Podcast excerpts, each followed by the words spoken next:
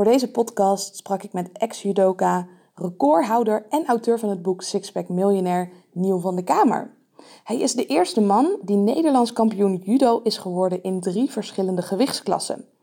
Hij begon op vierjarige leeftijd met judo en stopte toen hij 27 was. Het was een tijd van hoogte, maar ook dieptepunten. Tijdens zijn judo-carrière was zijn relatie op de klippen gelopen. Hij werd zijn huis uitgezet, zijn bankrekening stond structureel in het rood en zijn grote judodroom, het behalen van de Olympische Spelen, was buiten zijn bereik geraakt. Hoe ga je om met deze stress, angst en frustratie? Maar na zijn judo-carrière leerde hij nog bij. Want na een tijd dat hij in loondienst had gewerkt voor grote corporates, begon hij afgelopen jaar voor zichzelf en met succes. Zijn boek werd een bestseller op Amazon. Zijn bewezen principes uit de topsport en het bedrijfsleven worden nu toegepast bij technologiebedrijven zoals Google, LinkedIn, Stripe en Salesforce. En hij deelt een aantal van deze strategieën zodat ook jij meer resultaat gaat behalen op fysiek, mentaal, maar ook financieel vlak. En ja, we gingen ook de diepte in over het taboe onderwerp geld en hij leert jou hoe jij miljonair kan worden door zijn strategieën toe te passen. Dus luister snel naar deze podcast. Ja, mijn naam is uh, Neil van der Kamer. Uh, ik ben een uh, recordhouder in judo. Dus ik ben de enige Nederlandse man ooit die drie verschillende gewichtsklassen heeft gewonnen op een Nederlands kampioenschappen. Dat is eigenlijk mijn leven geweest van mijn vierde tot mijn 26e. Toen ben ik eigenlijk het bedrijfsleven ingerold. Een hele mooie tijd gehad bij judo, wat ups en downs gehad. Daar kunnen we het straks wel over hebben, denk ik. Ja. En toen het bedrijfsleven gerold, uh, kort bij een recruitmentbedrijf gezeten, uh, daarna bij LinkedIn gezeten, grote, grote Amerikaanse partij. Eigenlijk als salespersoon uh, begonnen. Heel coachingstraject opgezet voor LinkedIn in Dublin. Er gaan nog steeds honderden mensen doorheen. Dus dat, dat is heel cool. Oh. en daar hebben we een beetje gezien van, oké, okay, waar lopen mensen nou tegenaan? En voor mij als sporter was het gewoon heel normaal om ja, uh, stress, spanning, uh, te focussen en dat soort dingen. En ik zag dat daar veel mensen aan onderdoor gingen. Dus heb ik een heel coachingsprogramma ja, daar opgezet en dat ging zo goed. Ja, dat ik zoiets had van, uh, dat moeten we breder trekken. Dus vandaar dat het boek, boek is gekomen. Uit, de eerste exemplaren hier op tafel, toch? ja, ja, gaaf. Dit zijn de eerste, de allereerste vers van de pers.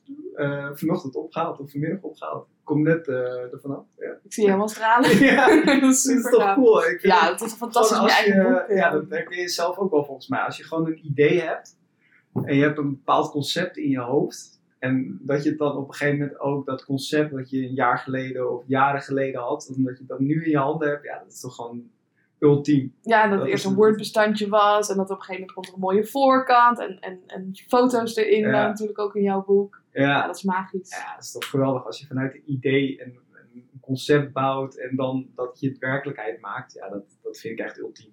Want wanneer ontstond bij jou het idee om het boek te gaan schrijven? Eigenlijk vijf jaar geleden al. Ik was altijd veel, uh, veel bezig om gewoon notities te maken. Uh, veel, uh, elke ochtend ga ik gewoon zitten en dan schrijf ik al mijn gedachten uit, et cetera. Uh, alle methodes die ik uit persoonlijke ontwikkelingsboeken haal, dat, dat stroomlijn ik altijd in van die notitieboekjes. Dus ik heb thuis allemaal van die dozen vol met, uh, met alle notities. Heb je veel gelezen?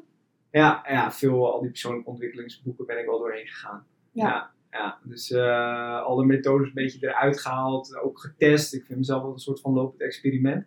Same. ik voel me ook echt een proefkonijn. Ja, dat ik ook gewoon test. En ik, ik vind het gewoon tof om dingen te testen en dan snel door te geven aan mensen. En ja, daar, daar leef ik soort van op. Daar krijg ik energie van. Om andere mensen daarmee te inspireren, wat bij mij helpt. En dat door te geven. Dus toen had ik op een gegeven moment zoiets van, ja, ik heb al die notities, dat soort dingen. dacht ik, ik ga dat een keer bundelen. Toen zeiden mensen eigenlijk tegen mij, waarom ga je dat niet uitgeven? Want in eerste instantie dacht ik, oké, ik wil een soort van handboek voor mezelf hebben. Alle methodes, dat ik dat gewoon ga uitschrijven, dat ik daar gewoon super duidelijkheid over heb. En wat ik al die jaren heb gedaan, om het een soort van te, te stroomlijnen voor andere mensen. Ja, geef dat gewoon uit. Anderen kunnen er ook van profiteren. Ja, ja en toen, uh, toen heb ik het eigenlijk pas serieus, uh, denk een jaar geleden opgepakt. Om er echt uh, volle bak mee aan de slag te gaan. En een jaartje later ligt hier. Dus het is wel een proces geweest. Ja. Maar wel echt super trots op dat zoiets daar, daar nu ligt. Ja, ik kan me voorstellen. Want je zei net in het kort van, nou, ik ben begonnen met judo, toen uh, in loondienst gewerkt en nu dus bezig met ondernemen, je eigen boek geschreven. Mhm. Laten we beginnen bij het begin. Uh, je bent op een hele jonge leeftijd al begonnen met de judo, toch? Vier jaar. Ja. ja. Hoe ben je daarmee begonnen? Oeh, Ja, dat was eigenlijk, ik had veel energie vroeger. Ehm, mijn ouders zijn heel sportief en bij ons om de hoek was eigenlijk een judo-vereniging. En mijn moeder had zoiets van, nou, ga maar kijken of je dat leuk vindt. Toen heeft ze me ook op tennis gezet. Om gewoon te kijken van, nou, wat, wat vind je nou leuk? Ja, het verschillende dingen proberen. Ja, vader heeft vroeger altijd gehonkbald en gesoftbald. Dus ik dacht altijd van, nou, misschien dat ik dat ook nog wel erbij ga pakken. Maar judo uh, ging zo goed en ik had er zoveel plezier van. En op een gegeven moment als je dan, ja, de eerste twee jaar train je gewoon, een beetje zes en dan ga je een keer wedstrijdjes doen. Ja, dan krijg je een beetje dat succesbeleving. en dan ga je er op een gegeven moment door. Dus dat, uh, ik had altijd eigenlijk het doel om een zwarte band te halen en dat te stoppen. Maar het liep zo uit de hand dat ik uh, door ben gegaan. Wanneer had je die zwarte band al gehaald? Toen ik 16 was, denk ik. Dat je officieel die zwarte band krijgt. Ja. ja. dan moet je dan Nederlands kampioen voor worden en dan weet je dat. En dan kreeg je die als het ware uitgereikt. En toen, eh, jaar later, werd ik geselecteerd voor de, of dat zal twee jaar later geweest zijn, voor de jeugd wereldkampioenschappen. Toen dacht ik, ah oké, dit is mijn laatste wedstrijd. En dan uh, ga ik lekker studeren en dan ga ik lekker door. Maar ja, op een gegeven moment dan, ging je door en ik werd toen Nederlands kampioen bij de heren. Toen ben ik eigenlijk gewoon zo, zo doorgerold. En uh, ja, dat was gewoon, uh, gewoon een tof leven. Dus eigenlijk niet heel bewust met judo gestart of dat soort dingen. Mijn ouders ook niet. Het was gewoon eigen toeval en dat vond ik gewoon leuk en dat klopte. En ja, dat was een, een tof leven. Ja, en is dat ook een fulltime baan, de judo? Bij powerliften, ik trainde vier keer in de week en dan kan je makkelijk er nog een studie naast doen en zelfs een baan.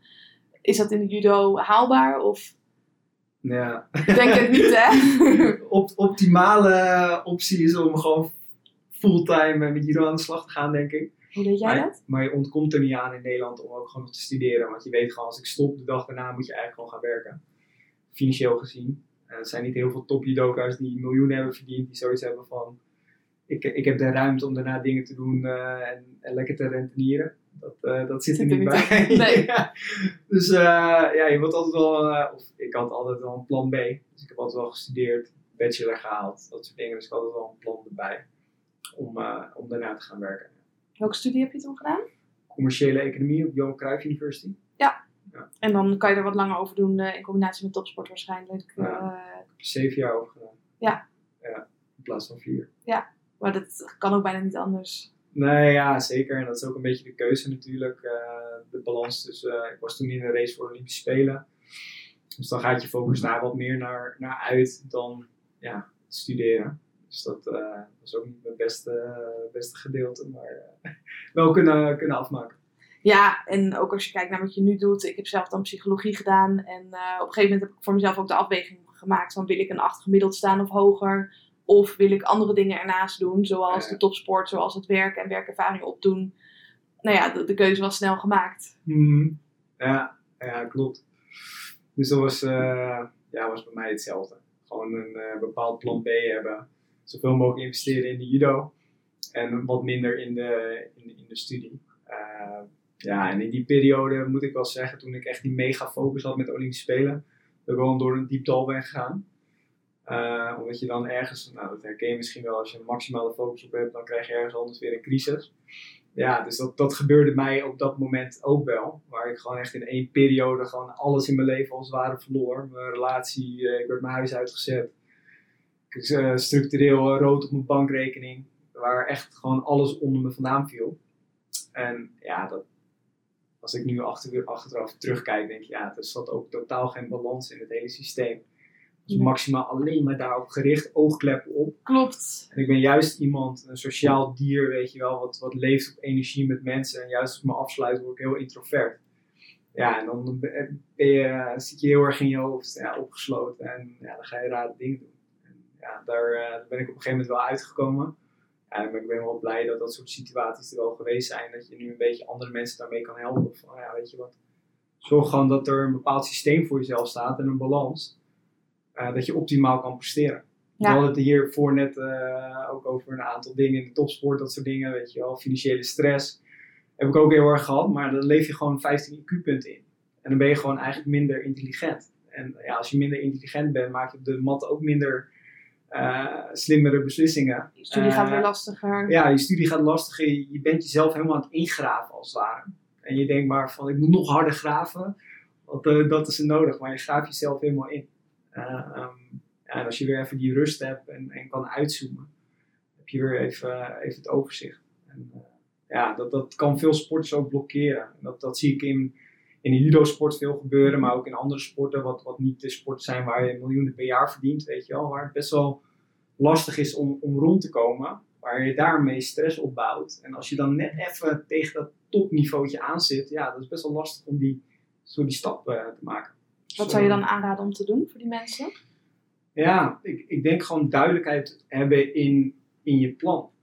Van oké, okay, um, ik, sta compleet rood. Of ik heb een schuld van 20.000 euro, weet je wel. Of je, je maakt daar een heel systeem voor, je schrijft het helemaal uit. En je weet gewoon, oké, als ik stop, dan heb ik zoveel aan, uh, aan schulden en dan ga ik gewoon door. Of je gaat gewoon zorgen dat je daarnaast iets van inkomen kan genereren. Uh, slim zijn met sponsoring, uh, misschien hier en daar wat coaching. Ja, dat je toch een soort van een beetje brood op de plank kan krijgen, waardoor je een beetje rust hebt en toch, toch kan presteren. Ja, dus wel dus aandacht weet... aan die gebieden besteden. Niet alleen maar zeggen, ik ga 100% voor die sport. Nee. Maar je ja. dingen verdelen dat je in ieder geval op een basislevel zit. Het hoeft niet de toppen van je kunnen te zijn. Mm. Maar als je niet rood staat, dan is dat voor je topsport Ja. is dat waarschijnlijk al goed genoeg. Ja, zeker. Want als je, als je compleet weer die focus op de, op- alleen op de sport hebt of op het presteren en, en je mist het, ja, misschien het werkgedeelte, ja, dan, dan kan je sporten wat je wil, maar dan komt het er niet uit. En misschien moet je dan wel een soort van zijproject erbij doen. Misschien is dat, tijdelijk. sport uiteindelijk niet meer. Nee, ja, Merkte je dat zelf ook, dat het ten koste ging van je sportprestaties Ja, toen je lastige periode had? Ja. ja, ja, natuurlijk. Dan graaf je jezelf helemaal in en dan op een gegeven moment dan, eh, ga je nog harder werken, ga je nog harder trainen. Dat je denkt van ja, weet je, ik moet nog beter worden en dat soort dingen. Maar ja, dan, dan raak je overtraind en dan krijg je veel meer stress op je systeem. Ja, en dan, valt alles een beetje onder je vandaan. En toen? Dat, eh, Want dat was een race voor de Olympische Spelen, voor een kwalificatie. Ja, ja eigenlijk eh, in judo heb je een blok van vier jaar voor de Olympische Spelen. En dat hele traject als het ware, ehm, ja, ging ik gewoon aan onderdoor. Weet je wel, dat ik gewoon mijn eigen grootste vijand was. En dat ik dacht van ja, weet je, ik, eh, veel angst en stress en frustratie en dat soort dingen waar ik mee dealde. Ja, dat, daar kon ik gewoon niet mee dealen. En ik, ik sloot mezelf ook gewoon op. Mensen wilden me wel helpen, maar ik dacht van ja, ik regel het zelf wel. En eh, ik had veel te grote ego. Dat ik dacht van nou, ik eh, fix het zelf wel. Ik heb geen hulp nodig. Maar juist ook later geleerd. En, en daarvoor heb ik dat eigenlijk ook al geleerd. Maar dan sluit je jezelf van Je weet het vanuit hier, maar je Ja. hebt het nog niet geleefd. Oh, juist als je mensen hulp vraagt en dat soort dingen in het bedrijfsleven ook. Ja, dan heb ik de grootste deals heb ik gesloten door hulp, hulp te krijgen en hulp te vragen. Ja, dat is wel een hele grote les geweest. En toch, als je onder stress staat, dan maak je gewoon rare beslissingen. Ja, dan ga je weer terug in het oerbrein, Ja, in de paniekzone. Die gaat vechten, vluchten of bevriezen. In jouw geval, als ik je verhaal zo hoor, dan ging je helemaal terugtrekken. En dan, dan komen anderen ook niet dichterbij. nee, nou ja, dan, dan hou je ze van je af. Dat is, eh, dat is gewoon zonde. Juist probeer ik nu mensen ook wel een beetje te helpen. Ik heb gisteren bijvoorbeeld bij een hele grote corporate een eh, lezing gedaan. Ja, allemaal stoere, stoere salesjongens. En waar ik op een gegeven moment mijn eigen verhaal deed. En ook vroeg van, nou, wie dealt daar bijvoorbeeld ook mee met stress en, en targets en eh, doelen stellen. En de jongens zeiden, ja, ik heb ook slapeloze nachten. Ik, ben, ik loop bij een psycholoog. Ik heb eh, last, van, last van angststoornissen. En dat ik later met iemand belde. En die zei van, ja, ik heb nog nooit gehoord dat die jongens daarmee dealen. Ja, Dus ja, door het zelf ook gewoon open over te zijn, merk je dat andere mensen er ook open over worden. En nu ik dat wat meer communiceer, krijg ik ook echt persoonlijke berichten van mensen. Nou, mensen kunnen het niet zien, maar eh, heel lang eh, op WhatsApp en dat soort dingen van mensen die door bepaalde dingen zijn gegaan. En het super herkenbaar voor is. Ik denk van ja, er zijn zoveel mensen die daarmee dealen. En het is een beetje taboe om daarover te praten. Hetzelfde als geld in Nederland. Ja, Ja. het is best wel taboe om te geld en van- mindset zijn denk ik de grootste taboes als het gaat om eh, praten. Ja, ja zeker. En ja, dat, dat, dat verhaal probeer ik nu gewoon naar buiten te brengen. En dat, dat is ook de hele kern van mijn boek. Ja, waardoor ik mensen daar een beetje mee wil inspireren met mijn, eh, met mijn eigen verhaal.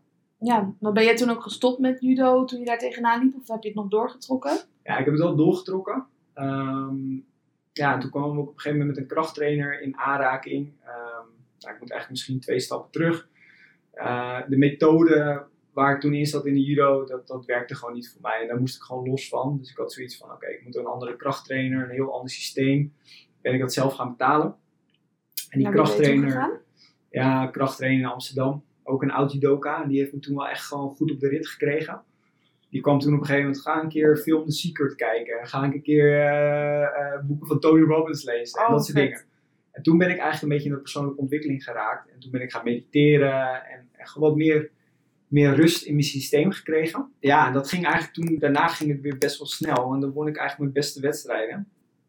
Ik heb nog van nummer drie van de wereld gewonnen. Wereldkampioen versloeg ik nog bijna op het toernooi in, eh, in Parijs. Een van de grootste toernooien ter wereld. Maar toen was een andere jongen in Nederland, eh, die was me al voorbij in de Olympische ranking. En die ging naar de Olympische Spelen. En die was op dat moment ook gewoon veel beter. Maar die periode was eigenlijk de laatste periode dat ik mezelf een soort van herontwikkeld, eh uitgevonden Jouw stijgende lijn was waarschijnlijk scherper of, of, of steiler dan die van hem, maar hij zat gewoon al een Ja. leveltje hoger. Ja, zeker. En toen, ja, dat was wel mijn beste, beste periode. En toen heb ik dat ook gewoon, gewoon doorgezet in het bedrijfsleven. Ja, die ontwikkeling, ik ben veel blijven lezen, persoonlijke ontwikkelingsboeken, Think and Grow Rich, Tony Robbins. En ja, je kent het allemaal wel. Is dat denk je ook echt de aanleiding geweest dat het veel beter ging? Dat je Ja, aan je mindset ging gewoon, werken? gewoon veel meer eh, s- heb gesnapt wat er nou precies in mijn hersenen omgaat. En hoe systemen nou daadwerkelijk gaan eh, bij mezelf. Weet je wel, hoe dat nou de, weg is, hoe informatie bij me komt, hoe stress ontstaat. Maar ook over een beetje de, de kracht van de aantre- aantrekkingskracht. Weet je wel, dat je daar echt in bent gaan geloven. Ja, en toen op een gegeven moment was ik echt een compleet ander mens. En toen kwam het allemaal naar me toe. En toen, ja, in het bedrijfsleven eh, zeg ik nog wel eens dat dat voelde als vakantie. Terwijl mensen als het ware omvielen, omdat ik al die zware periode daarvoor had gehad. Ja, En een methode had gebouwd voor mezelf om daadwerkelijk gewoon overal gewoon lekker in mijn vel te zitten en, en vrij in mijn hoofd te zijn.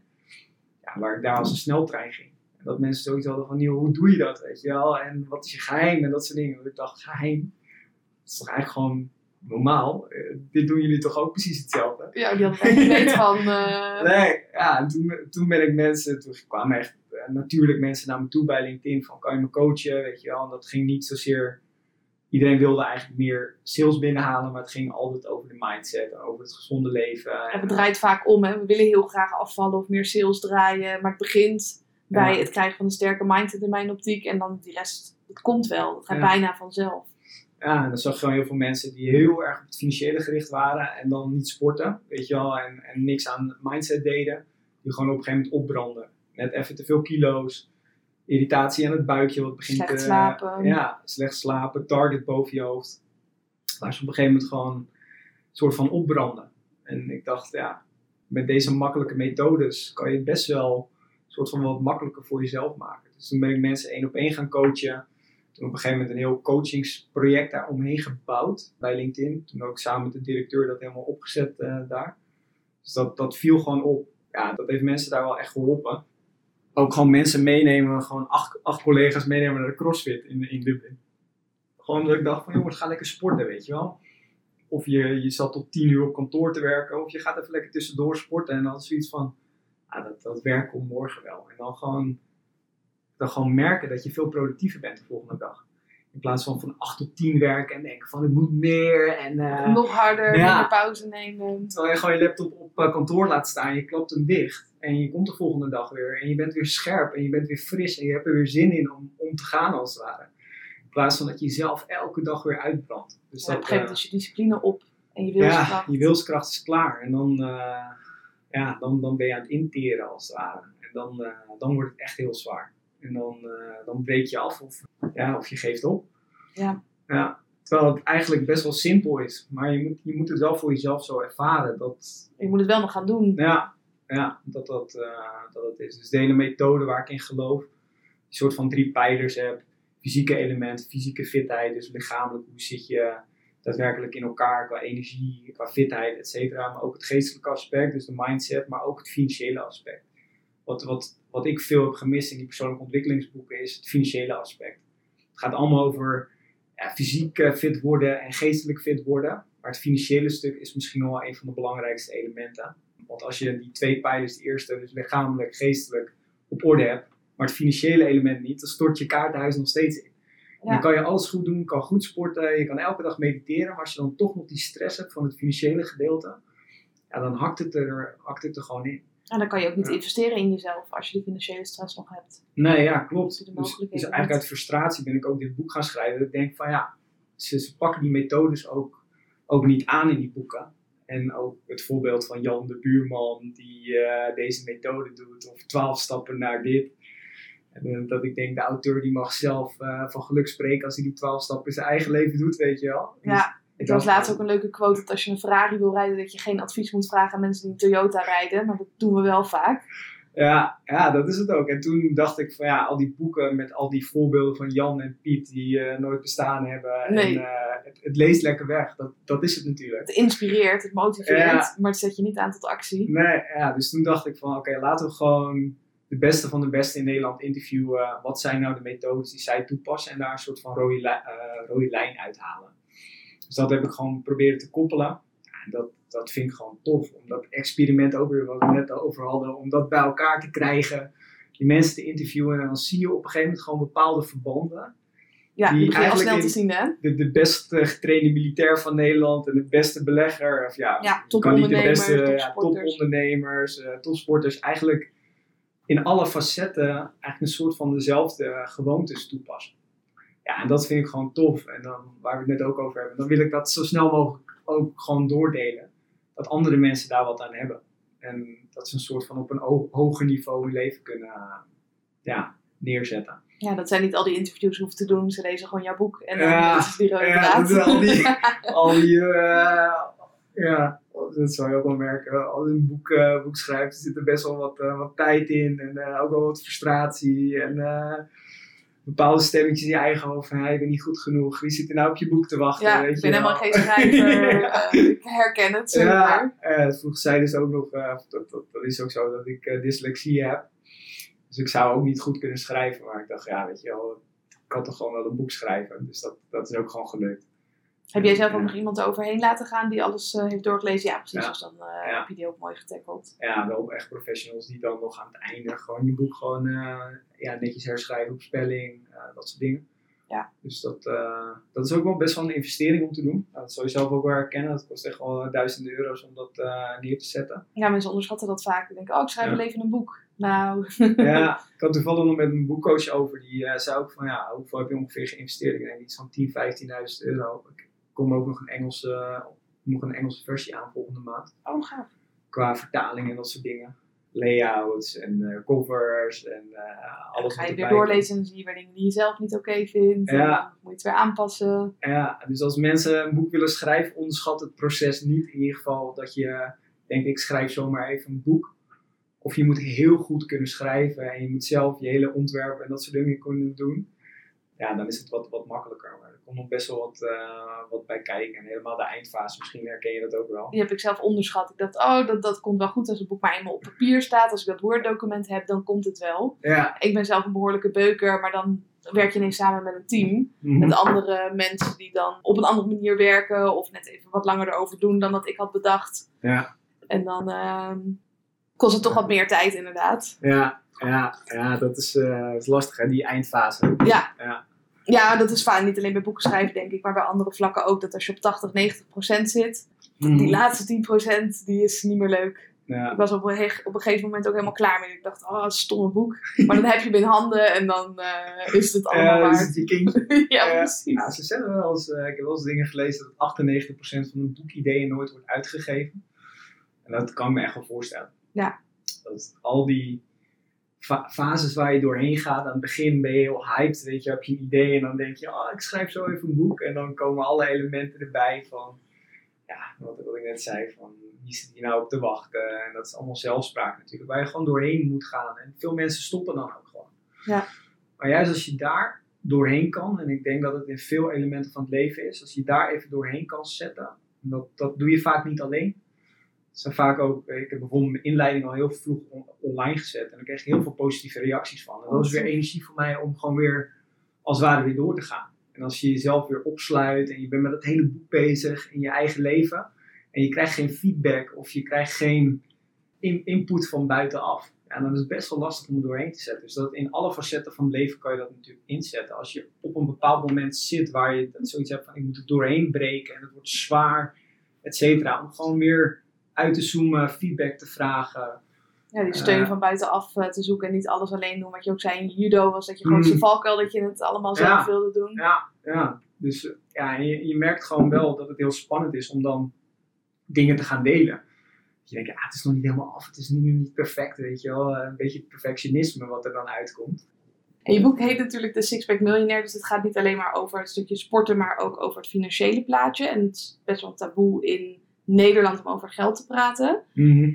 Eh, welke rode draad zie je daarin als het gaat om mindset en geld? Ja, het is eigenlijk hetzelfde principe. Ook de gewoontes om, eh, om dat in te zetten, om, om laagdrempelig eh, te starten. Ehm, het voorbeeld wat we vorige week denk ik hebben gezien met crypto is snel erin gaan. Eh, snel, snelle veranderingen willen van 0 tot 100. Snel En dan- rijk worden. Ja, snel rijk worden en dan als het ware als het niet goed gaat in één keer weer stoppen. En dat kunnen we weer eh, toepassen als het gaat om sport. Ik wil eh, beginnen met sporten. Ik ga vijf keer in de week sporten. En ik brand binnen drie maanden op. We kennen allemaal het voorbeeld van de mensen die op 1 januari een doel stellen: ik ga sporten. En die gaan in één keer vijf keer per week sporten. En die gaan in één keer hun hele eetschema aanpassen. Super, super zwaar om dat, dat vol te houden. Dan moet je of al echt een lichamelijke ziekte hebben, waardoor je zoiets hebt van: ik moet er doorheen. Op wilskracht. En dan hou je het langer vol. Ja, dat de Eh, pijn groot genoeg is om ja, het niet te doen. ja, de pijn eigenlijk ja, niet te verdragen is om, om, om door te gaan. En dat kunnen we dat principe precies hetzelfde inzetten als het om, om financiële aspect gaat. Ehm, als ik dan even een voorbeeldje neem als het gaat om, om voeding. Ehm, ik heb voor mijn boek Jeremy Reinders geïnterviewd. Dat is de fitste man eh, van Nederland in 2018. Eh, hij is ook eh, personal trainer geweest. Nou, voor de mensen die CrossFit kennen, die heeft op de CrossFit Games gestaan. De wereldkampioenschap van. Ja, Echt geweldig, super fitte jongen. Maar hij snapt wel hoe hij een verandering in zijn leven moet, moet inzetten. En ook laagdrempelig. Want heel vaak zijn onze hersenen hetgene, het mechanisme wat ons blokkeert. En wat hij ook zei, ik ben vegan geworden in vier maanden. En dat is heel makkelijk geweest. Eh, dus hoe hij het gedaan heeft, hij heeft gewoon de eerste maand heeft hij alleen zijn ontbijt aangepast. Dus hij had havermout met koemelk, heeft hij zijn koemelk voor havermelk ingewisseld. Heeft hij een maand gedaan. Dat voelde nou, gewoon, gewoon simpel, normaal. eh, alsof er geen hele grote veranderingen zijn. En als hij dan terug, eh, terugging en zei van, ja, als ik in één keer vegan wilde worden en ik weet één niet hoeveel ik moet eten, wat ik moet eten, wanneer ik moet eten, et cetera. Dus hij is alleen eerst ontbijt gaan doen. Is die maand gaan doen product eigenlijk gaan vervangen. één product vervangen. Tweede maand is hij eigenlijk zijn lunch gaan doen. Dus hij is gaan kijken, oké, wat is mijn lunch nu? Wat kan ik aanpassen waardoor het vegan is? Dat daadwerkelijk weer een maand opzetten. Derde maand avondeten. Vierde maand tussendoortjes. En na vier maanden is hij heel laagdrempelig. Zonder heel veel weerstand van onze hersenen. Van ah, verandering. Terug, terug naar het normale. Is hij eigenlijk gewoon vegan geworden. En we hadden het hiervoor, voor dit gesprek volgens mij ook over. We denken altijd dat veranderingen, dat dat heel hard en moeilijk en zweet, pijn en bloed. No pain, eh, no gain. Alle ja. quotes ken je wel vanuit de Ja, gym. ja, we zijn een beetje zo opgevoed met Amerikaanse films dat het hard moet zijn om, om veranderingen. En je moet opstaan en je moet weer neergeslagen worden en weer opstaan, weet je. Die het anders helemaal niet meer doen. Ja, maar eigenlijk is het een heel compleet ander principe. Wat de rode draad is van eh, al die 13 experts die ik voor mijn boek heb geïnterviewd. Op alle facetten van het leven zetten ze dezelfde methode in om laagdrempelig veranderingen in hun leven aan te passen. Dus dat kan één, als het gaat om, een- om je voeding aanpassen. eh, twee, om je sport aan te passen. eh, drie, om je mindset aan te passen. Te beginnen met mediteren. Mensen willen gelijk elke dag 20 minuten beginnen met mediteren. Super zwaar.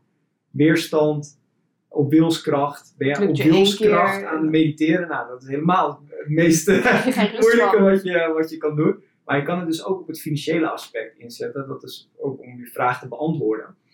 Laagdrempelig in te zetten. Dus oké, het principe van The Richest Man of Babylon, misschien heb je dat boek ook wel gelezen, Ja. is eigenlijk alles wat je binnenkrijgt, 20% daarvan betaal je eerst jezelf uit. Daarna ga je alle kosten ga je verrekenen. Want wat we normaal doen, we gaan eh, rekeningen betalen, we gaan onze hypotheek betalen, onze huur, eh, energierekeningen. En dan kijken we aan het eind van de maand, kijken we, oh, ik heb nog 150, 200 euro over. En de volgende maand is zo duur, omdat je op vakantie gaat, dat je die 150 euro weer opsnoept. Dus doe het anders. Ga eerst kijken, oké, 20% van alles wat ik binnen, binnenkrijg, gooi ik in één keer naar mijn spaarrekening. 10% laat ik daarop staan, 90% gaat naar mijn aandelen. En dat doe ik structureel elke maand. Jaar in, jaar uit.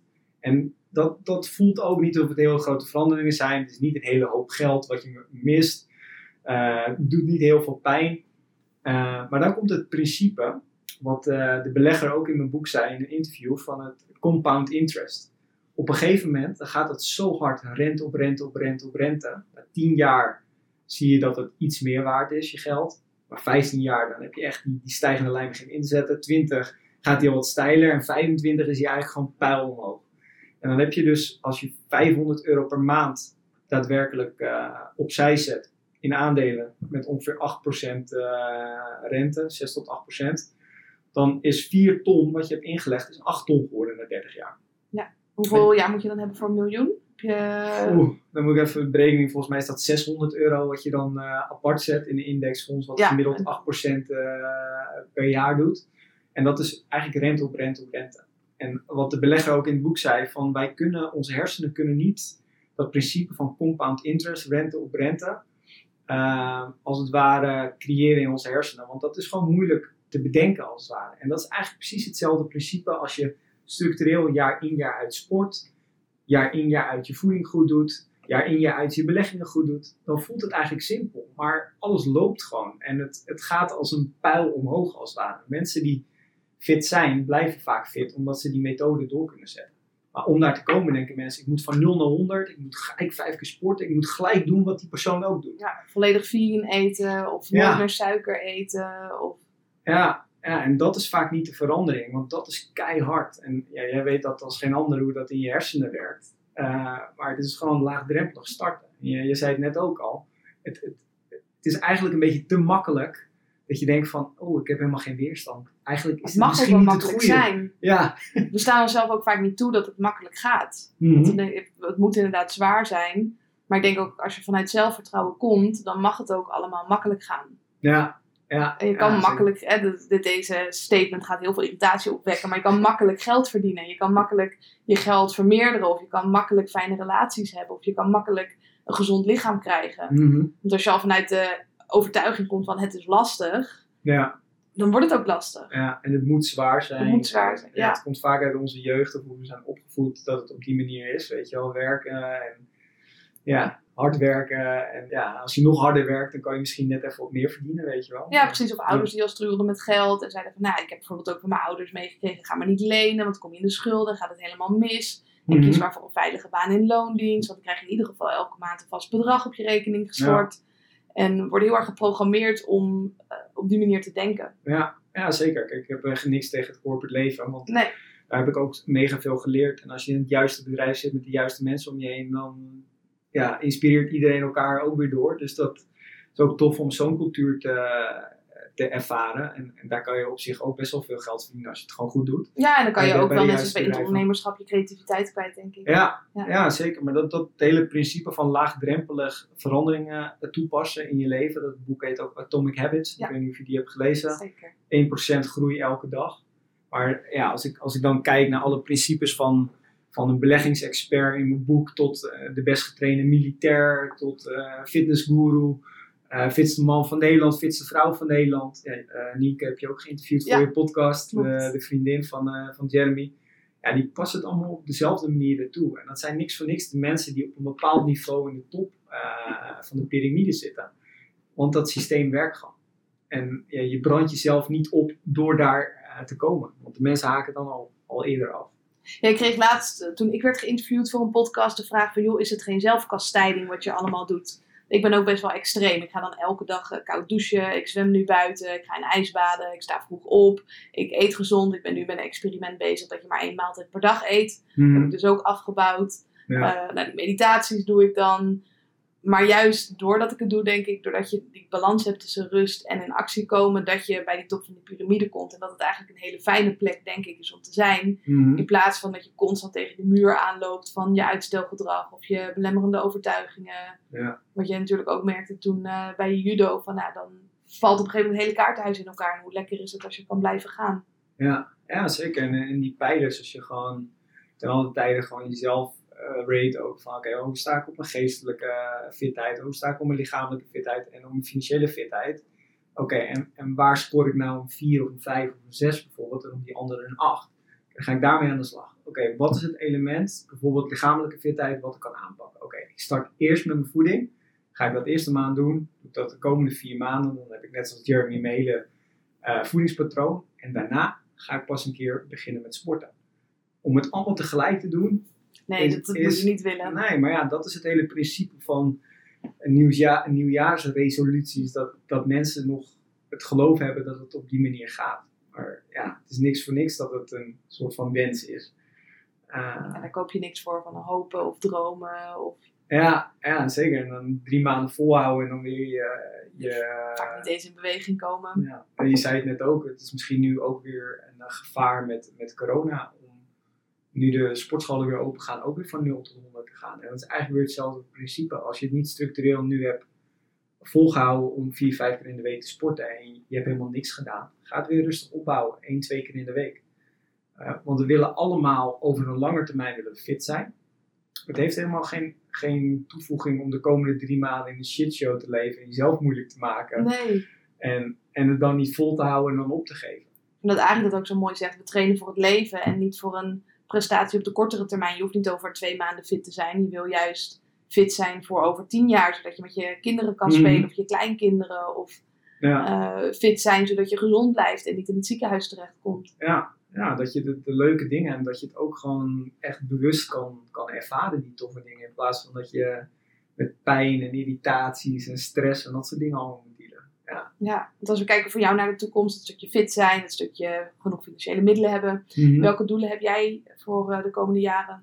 Ja, ja, het is een eh, hele passie voor persoonlijke ontwikkeling. Ja, daar, daar haal ik gewoon mijn, mijn hele voldoening uit. Dat vind ik gewoon tof om daar met mensen over te spreken en mensen daarin ja, een soort van een beetje handvaten te kunnen geven. Zoals ik al eerder zei, ik ben een lopend experiment. Ik vind het tof om, om door, te, door te geven.